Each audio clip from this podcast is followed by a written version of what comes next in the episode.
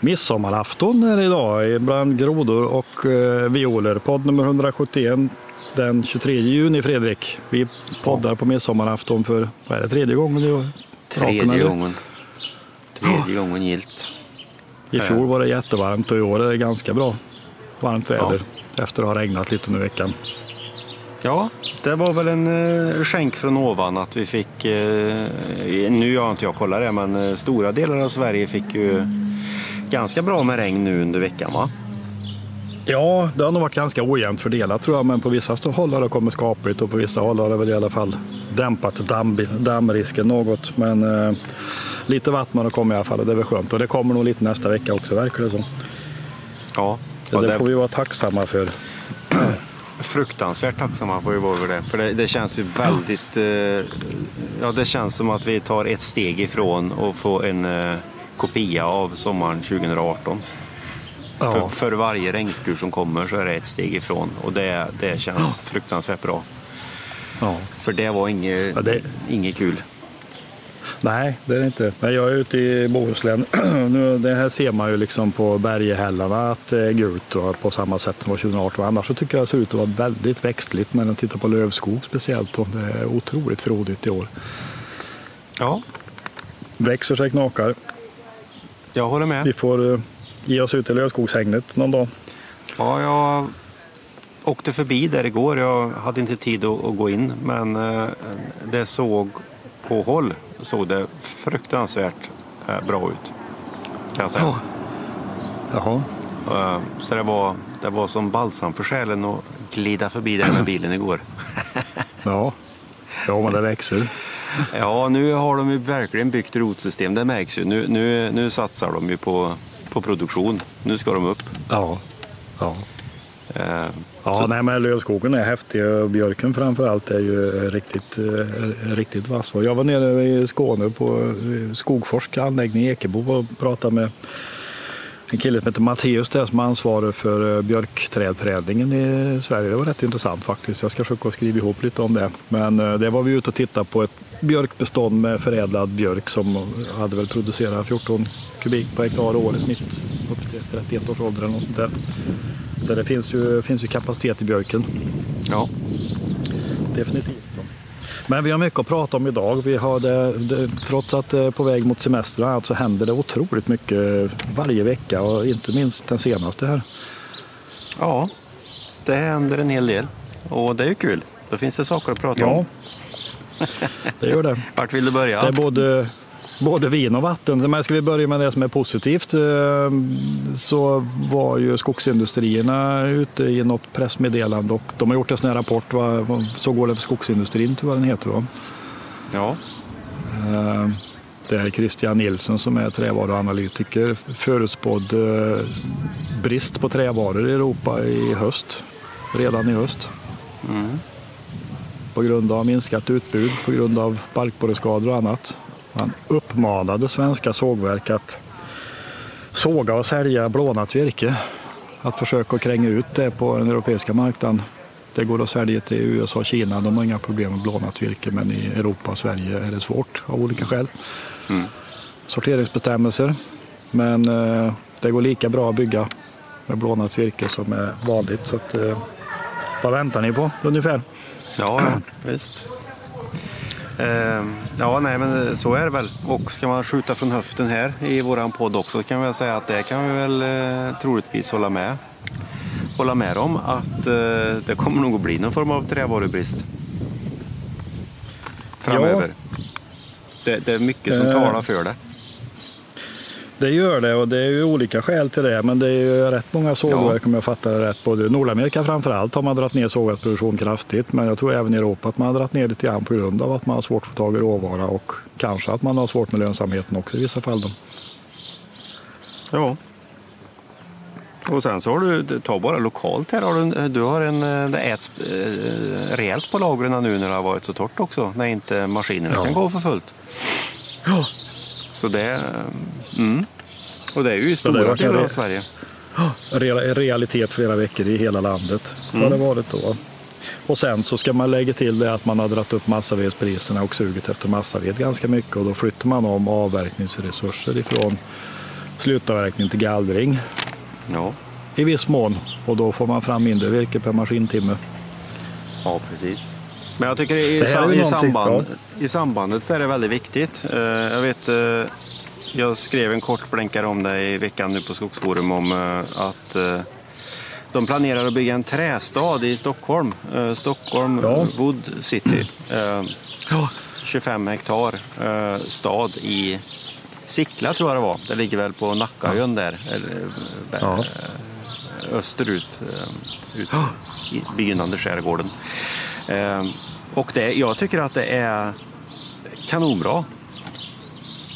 Det, det, är, Ja. det är vägen att gå. Jag tror att vi, eh, och speciellt eh, Speciellt när man är, som jag gjorde förra veckan, besökte en världsstad som London. Så, Ja. så, så märker man att vad lätt det är egentligen att stå ut.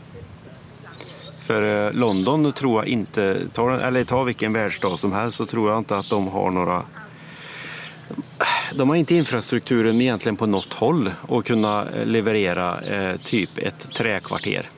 Jag, jag tror faktiskt inte det.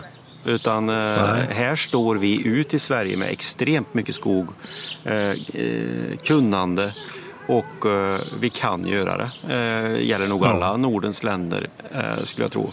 Och jag tror att det är en, det är en otrolig eh, häftig grej om vi skulle göra det. För jag tror att det är, det är en sån sak som skulle locka folk hit.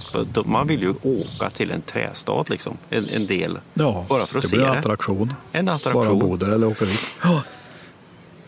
Eh, Ja, nej, men det är väldigt positivt och det, det är ju helt klart så att träet har marknadsandelar i byggnation större byggen. Och, och även om byggmarknaden har svalnat avsevärt just precis nu så eh, är det ju en framtid för trä helt klart. Så. ja, Och eh, Men, men då, i, i den kontexten så tycker jag det är viktigt då att då, då skulle man ju egentligen vilja se min, en minskad export av bulkvaror. Alltså typ oh. ohyvlade trävaror som på mindre än en sekund har gått igenom någon form av såglinje i 180 kilometer i timmen. Ja. På en båt och till Egypten eller vart det nu bär hän. Till att eh, Ja. vi skulle ju satsa mer inhemskt i så fall. Att eh, ett, ett bredare eh, skov att nu, nu satsar vi. Nu ska varenda stad ha en liten trästad här. Nu behöver vi Ja. mycket limträ, vi behöver mycket eh, virke av hög kvalitet och vi ska ha det och det och det. Och det ska vara inhemskt.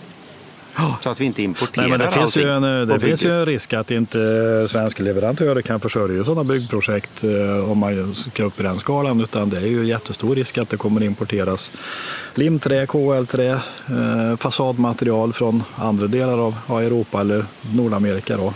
Du har ju Cederhusen som det heter i Stockholm, ett sånt Ja. träbyggnadsprojekt som är gjort. Jag tror Setra har levererat stommarna eller limträ och, och KL-trä så att det finns ju mycket svenskt trä. Men fasaden är ju cederskingel ifrån norra, västra Nordamerika. Då. Och, och Ja. det är liksom, här måste ju svenska träförädlare steppa upp och ta fram fasadmaterial ifrån svensk råvara. Från, kanske ett sätt att börja använda lärken som kommer nu lite bredare då.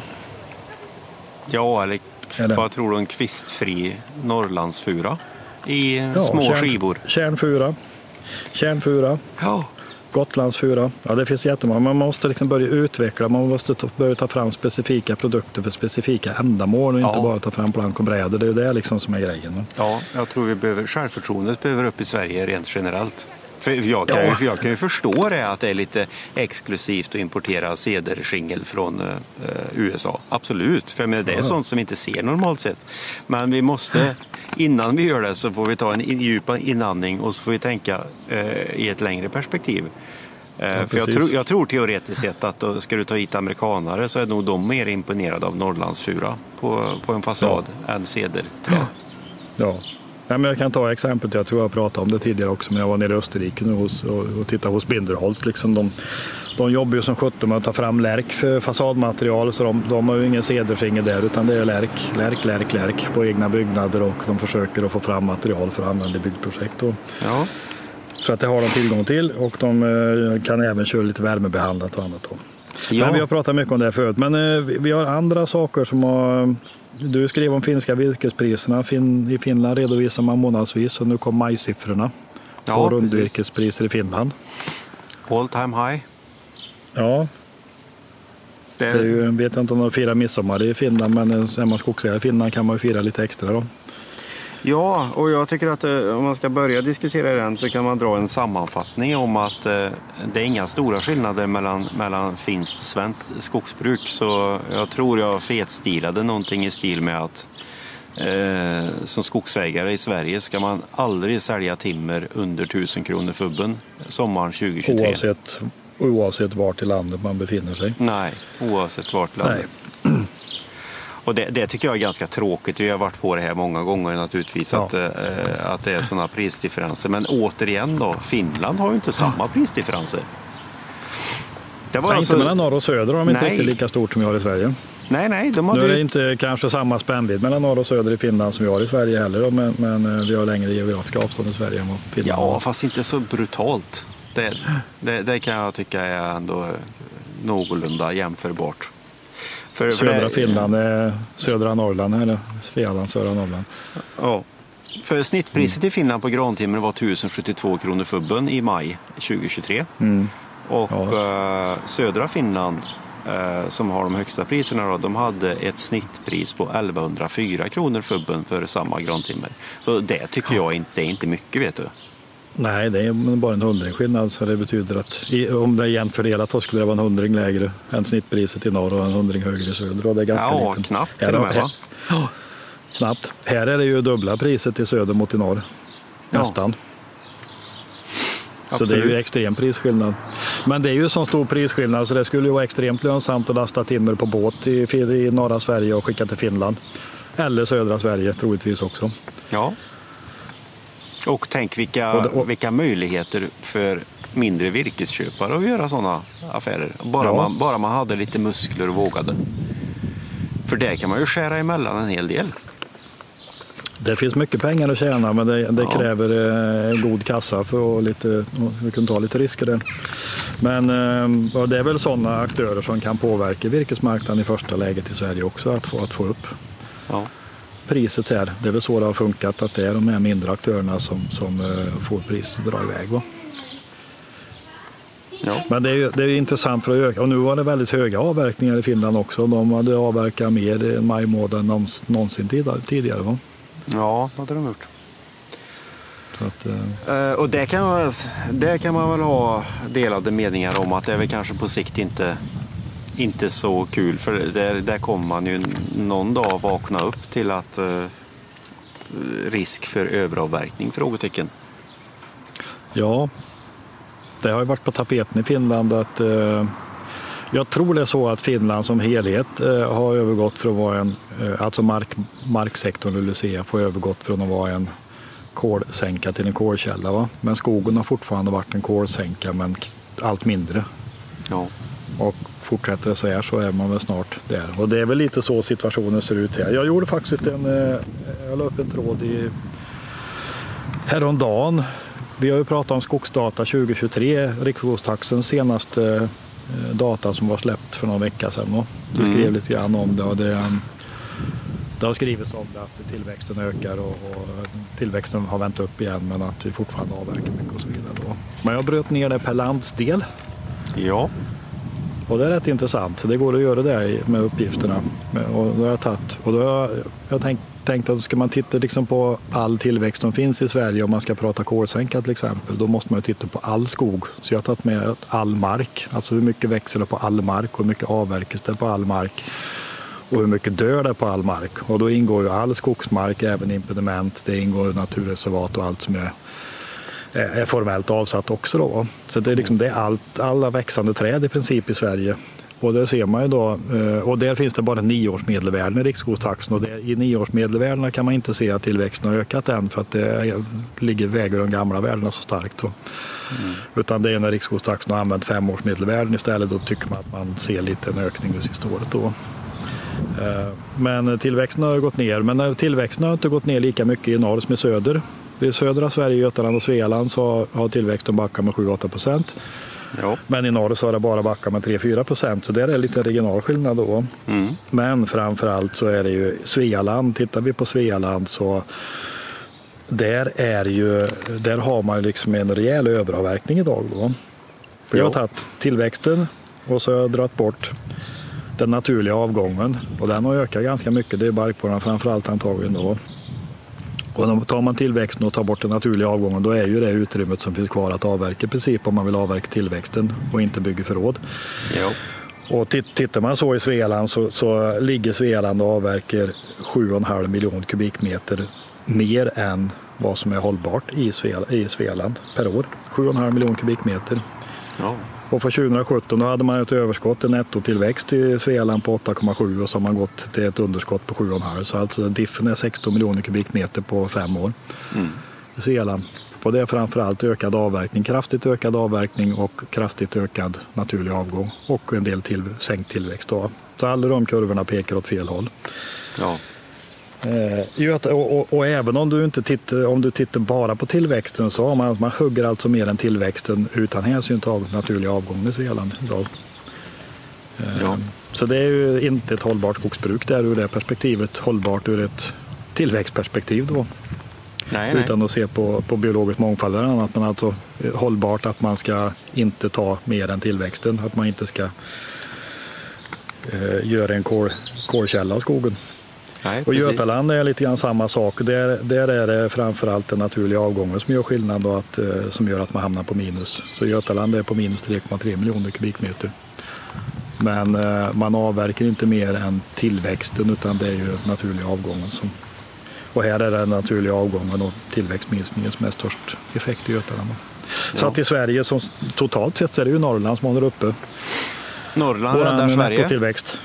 Ja, och framförallt södra Norrland är det för södra Norrland ligger stabilt. Där har den naturliga avgången har minskat, tillväxten har minskat något och avverkningen ökat lite grann, men det är ganska stabilt. De ligger plus 9,5 kubik, miljon kubikmeter 20 senaste femårsperioden här då, Mm. per år i snitt. Och norra Norrland är också ett överskott, men det krymper för man har ökat avverkningen ganska mycket i Norrland. Så det Ja. återstår det väl att se om Sveaskogs neddragningar gör att man kommer i balans eller inte. Då. Men man överavverkar inte i förhållande till tillväxten i, norr, i norra Norrland heller. Utan, men tittar man på Sverige som helhet 2017 så var femårsmedel en tillväxt netto på 33,5 miljoner kubikmeter i Sverige. 2021 är det nere på 5,9. Ja, Det är ganska stor skillnad. absolut. Och ju- fortsätter vi den resan med höga avverkningar och, och eh, tillväxt i samma nivå så är vi ju snart nere på rött. Ja, och där är det intressanta där egentligen det är ju vad kommer att hända? För det kommer att diskuteras extremt mycket ur ett sånt här klimatperspektiv med LULUCF och, och eh, hur mycket skogen ska vara en kolsänka och rädda till exempel jordbruket som är en utsläppare. Ja. Eh, det där kommer ju att diskuteras något hejdlöst nu framöver. Och det är ju antagligen, varför det inte har gjort det, det är ju ganska jag, jag tror att det är ganska enkelt egentligen. Det är ju att eh, SLU har ju valt att skicka in data till LULUCF. Där vill de vara extra säkra, säger de. Så där vill de bara använda data från fasta provytor. Ja. Och, för, och för att få ett underlag som är värd namnet så måste man gå en hel rotationsperiod på de här fasta provytorna och då har man ett eftersläp på fem år. Ja. Så det de har gjort då, eh, de har inte valt att använda, göra som i Skogsdata 2023 utan då skickar de in till LULUCF eh, från data från 2016, kanske 2017 nu den sista. Eh, och sen så extrapolerar de där. ja. Så, och det är Då ju får de andra siffror än vad de i verkligheten mäter upp i senaste rikshovsaxeln. då. Ja, så de kommande åren, ja, med start nu till våren tror jag, nästa vår då, Ja. eh, så kommer det ju att se anskrämligt ut, börja se anskrämligt ut i våra rapporter till LULUCF. Och det är frågan hur de ska hantera det. Ja. Det kommer bli en stor fråga, för det blir en politisk fråga av det. Ja, det, det gör det. Och någonstans, jag skrev i tråden jag la upp om det här, liksom, hur ska man hantera det? För om vi, tittar vi på en nationell nivå på 5 miljoner kubikmeter tillväxtinlagring, eh, då, då är ju frågan, liksom, vi klarar ju inte LULUCF-åtagandet utan då, då får vi ju köpa kolinlagring någon annanstans ifrån i så fall. Eh, och, vad kostar det och vem ska betala? Är det alla vi skattebetalare som ska betala via staten så att skogsbruket får hålla på som man gör? Ja. Att vi tycker att det är okej. Okay. Eller ska skogsindustrin betala en eh, LULUCF-skatt på kubikmetern? Och vi räknar lite, vi skissar lite så här quick and dirty på um, vad kan det handla om i pengar. Alltså det, vi hamnar på typ 200 kronor fubben på hela virkesfångsten. Något som, som man skulle behöva betala för att täcka, täcka den avgiften i så fall då. Ja. Och, och, risken är ju som vanligt skitstor att det där hamnar i knä på skogsägarna. Att, ja, men vi, ja, så. Ja, men jag, jag, tror ändå inte det. Nu, nu, det, här kan, det här kan jag få äta upp, men jag gör gärna det faktiskt. Det, och jag tar gärna upp om jag har fel också. Men jag är nästan övertygad om att det kommer finnas sådana här force majeure-grejer eh, de kommer ta till i de här rapporteringarna där de kommer att hävda att det är barkborrar. Eh, det är barkborren, ja. Och det är torrsomrar och... torrsomrar och barkborrar som. Eh, gör att det kommer inte falla ut något vite. Så jag tror vi kommer inte behöva köpa någonting tror jag. Det, där Nej. är regleringen ganska uddlös om du frågar mig. Jag har läst på en del om det där och Ja, så, så, ja, nej, så, men så, så, kan det säkert vara. Men tittar man rent krasst på det så, så är det de här siffrorna vi har i dagsläget och det är ju Riksskogstaxens siffror så att de är ju ja. de är väl hyfsat trovärdiga får vi tro. Ja. Ju, nej, men det är en, en, annan sak som jag funderar över det är ju det här att vi har en otroligt stor hög naturlig avgång. Tittar man på all mark så är den uppe i 18 miljoner kubikmeter per år och det är ju, det är ju liksom mer än hela eller dubbla årsavverkningen i många, många europeiska länder som försvinner upp i rök eller barkborreskadad skog och mycket blir ju kvar stående som död ved då. Ja. Och här, här, finns det ju teorier om att det dubbelräknas att eh, okej, okay, vi har skog som klassas som skadad men sen tas en del träd reda på och blir bränsle eller massaved eller annat. Då. Mm. Men jag har ju använt Riksskogstaxens data och det är ju deras data över de registrerar vad som är avverkat och de registrerar vad som är dött. Ja. Och frågan är om de, om de registrerar när de kommer nästa gång att nu är det avverkat det som var dött vid förra taxeringen. Det undrar jag om det gör egentligen. Om det är så mycket dubbelräkning där. Det finns nog säkert proffs som kan detta men jag, jag har svårt också att se det faktiskt. För det, dels är det ju så att, eh, precis det vi precis nämnde, att eh, ska man ha stenkoll så måste man använda de fasta provytorna för annars slumpas det ut så då är man ju inte på samma ja. ställe och mäter. Nej. Utan då är det de fasta provytorna och då, har man ju, då kan det ju gå upp till fem år innan man är där igen. Ja. Och hur ska man då hålla reda på det då? Nej, jag har väldigt svårt att Ja, jag, jag har också svårt att eh, se hur det där kan funka. Då. Men det är med virkesmätningen svårt det.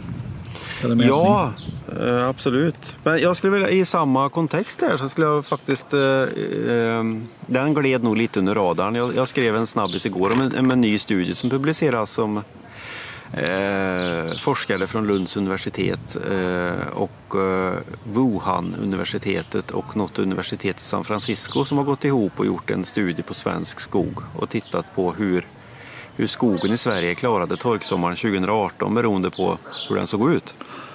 Det är ju rätt aktuellt ämne. Ja, och jag fastnade för det jättemycket för jag tyckte att det var ganska häftigt och jag tror att studien är, är ganska rigid också. Ja, ja. Uh, och det, det som slår en när man börjar läsa det här, liksom, det är ju liksom, ja, varför tänkte man inte på det här tidigare? För, för det här är ju liksom så här sunt bondförnuft. För, okay. för, ja, för har man varit i skogen så, så förstår man ju direkt Eh, dels så var det ju, eh, ja kontentan var ju att de hade sållat ut och hittat eh, primärskog i Sverige, alltså urskog. Eh, i, ja. I princip orörd skog då. Så man jämfört ja. det med brukad skog. Ja. Och, och det man såg antydningar på, eh, det var ju att eh, den obrukade skogen, alltså urskogen, klarade ju torkan bättre än vad den brukade skogen gjorde. Och uh, i stort så var det ju, det är nu vi kommer till det här bondförnuftet. det, det, jag tycker det är ganska intressant faktiskt. Det, det, eh, de hittade alltså mer död ved i obrukad skog. Och jag menar, mm. Du och jag har ju traskat runt i skogar rätt mycket genom åren. Men jag har ju aldrig tänkt i de banorna. Men går man på en sån här äh, gammal asplåga och halkar eh, så förstår man ju att det är ju flera hundra liter vatten i en sån.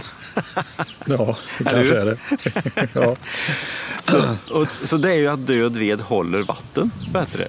Ja, eh, mer organiskt material. Ja, Och sen så var det de här gamla klassikerna. Så det har börjat bli en klassiker nu. Eh, mer blandskog gör att, det, gör att det blir bättre. För då har du så mm. enkelt som att till exempel då jag drar, jag drar till med, fast det kanske inte stämmer, men björk har djupare rotsystem än gran till exempel.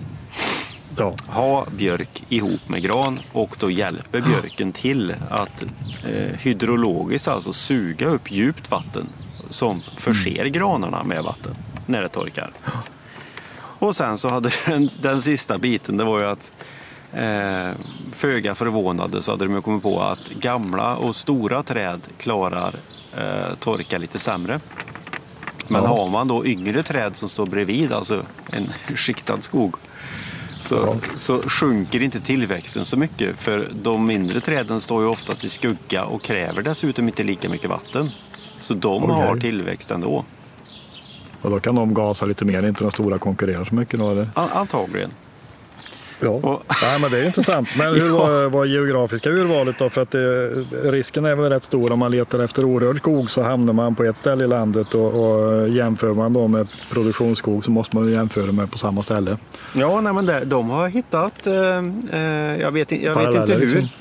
Men eh, det kan jag faktiskt, jag kan ta, försöka ta en skärmdump på det för de som inte orkar gå in och, och läsa hela studien. För det var det pluppar utsatt på en karta och det var pluppat i hela Sverige med primärskog. Okay. Ja, ja. Så det, jag vet inte, kan de vara i gamla naturreservat? Kan det vara någonting? Ja, nej, men det kan det vara. Nej, men sen ja. en väldigt eh, basic sak är att du, i naturskogen har du inte dikat någonting. Det är ju rätt mycket skogsmark, även om det inte är torrmark, så det är ganska mycket skog som är dikad. Ja, jag på tänkte komma Man har till försökt att dränera bort överskottsvatten på, eh, efter bästa förmåga. Det är ju otroliga mängder med diken som finns i skog, skog ja, över landet. Precis. Och det är klart att det, det är ju negativt om det är torrt. Det var den fjärde aspekten som de hade hittat också i den här studien. Ja. Det var ju ja. att eh, de, de såg ju samband mellan odikade marker håller ju ja. vatten bättre. Eh, det är ingen raketteknologi direkt, eller? Nej, nej. Det kanske inte är det.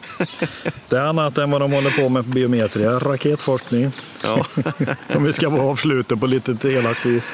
Ja, precis. Ja, så är nej, det. det. Det är egentligen väldigt sorgligt. Uh, är det. Vi har skrivit om det i några omgångar men uh, Biometri är ju som bekant landets numera ihopslagna inmätningsföreningar till en body. Inklusive deras datahanteringsfunktion uh, som tidigare hette SDC, Skogsbrukets datacentral. Ja. Och, uh, de kom väl på någonstans 2008-2009 att deras datasystem började bli lite föråldrat. Att utvecklingen går framåt så att de eh, tillsatte lite utredningar och 2014 bestämde de sig för att de skulle byta, byta ut sitt gamla violsystem. Virke online betyder det. De skulle byta ut sitt gamla system och eh, drog igång eh, ett projekt och 2014 klubbade de beslutet att nu kör vi igång. Och 2018 skulle det vara up and running Viol 3. Ny, nytt modernt datasystem för att hantera all redovisning av virkesmätning. Mm. Och det där visade sig vara komplicerat och svårt och då eh, fick man skjuta fram det 2019 och 2020 och senast nu deadline var 2023. Alltså nu mm. skulle det vara uppe. Och nu skjuter man på det igen och eh, vad jag kan se då så är man ju framme 2025 nu då med, innan man är uppe. Då. Ja. Och då får man hålla på med sitt gamla viol 2 och laga med silvertejp och ståltråd. Om det går överhuvudtaget. Ja. Och det här liksom, pengarna, det är ett stort svart hål som slukar konsultpengar och annat och det blir aldrig klart. Ja, nej, det är supersorgligt egentligen. Ja, och det här drabbar ju en massa företag och framförallt så drabbar det många mindre som måste vara med på den här resan och som redovisar är hundslagsmål på gatan utanför jag tror, men det får vi leva med. Det är ju ändå midsommar. Nej men eh, du har ju varit i datavärlden så du har väl lite insikt i det här antar jag. Men eh, ja. det här är ju, ja, det är en mörk historia. Vi får eh, diskutera det mer. Det finns lite trådar på Skogsforum. Men vi får väl runda av idag och önska alla en trevlig midsommar. Ja, det får vi definitivt göra. Och eh, ta det nu lugnt.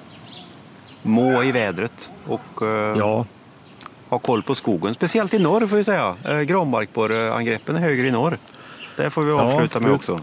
Ut och leta borrmjöl. Ha ja. en bra midsommar så hörs vi nästa fredag. Ja, det gör vi definitivt. Ha det så bra. Hej då!